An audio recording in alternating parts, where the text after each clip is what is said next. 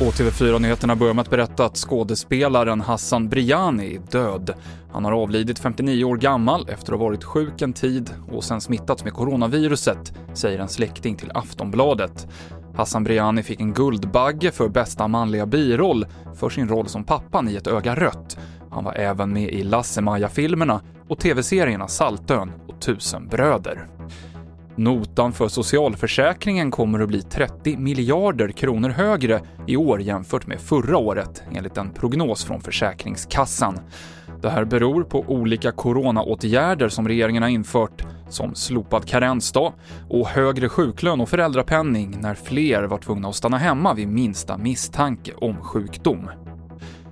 Och i Vietnam så ska 80 000 personer evakueras från staden Da Nang efter att det upptäckts tre coronafall där. Det här ska ske genom 100 inrikesflyg om dagen under flera dagars tid. Och de flesta som ska evakueras är inhemska turister och de kommer sen behöva sitta i hemkarantän i 14 dagar. TV4-nyheterna med Mikael Klintevall.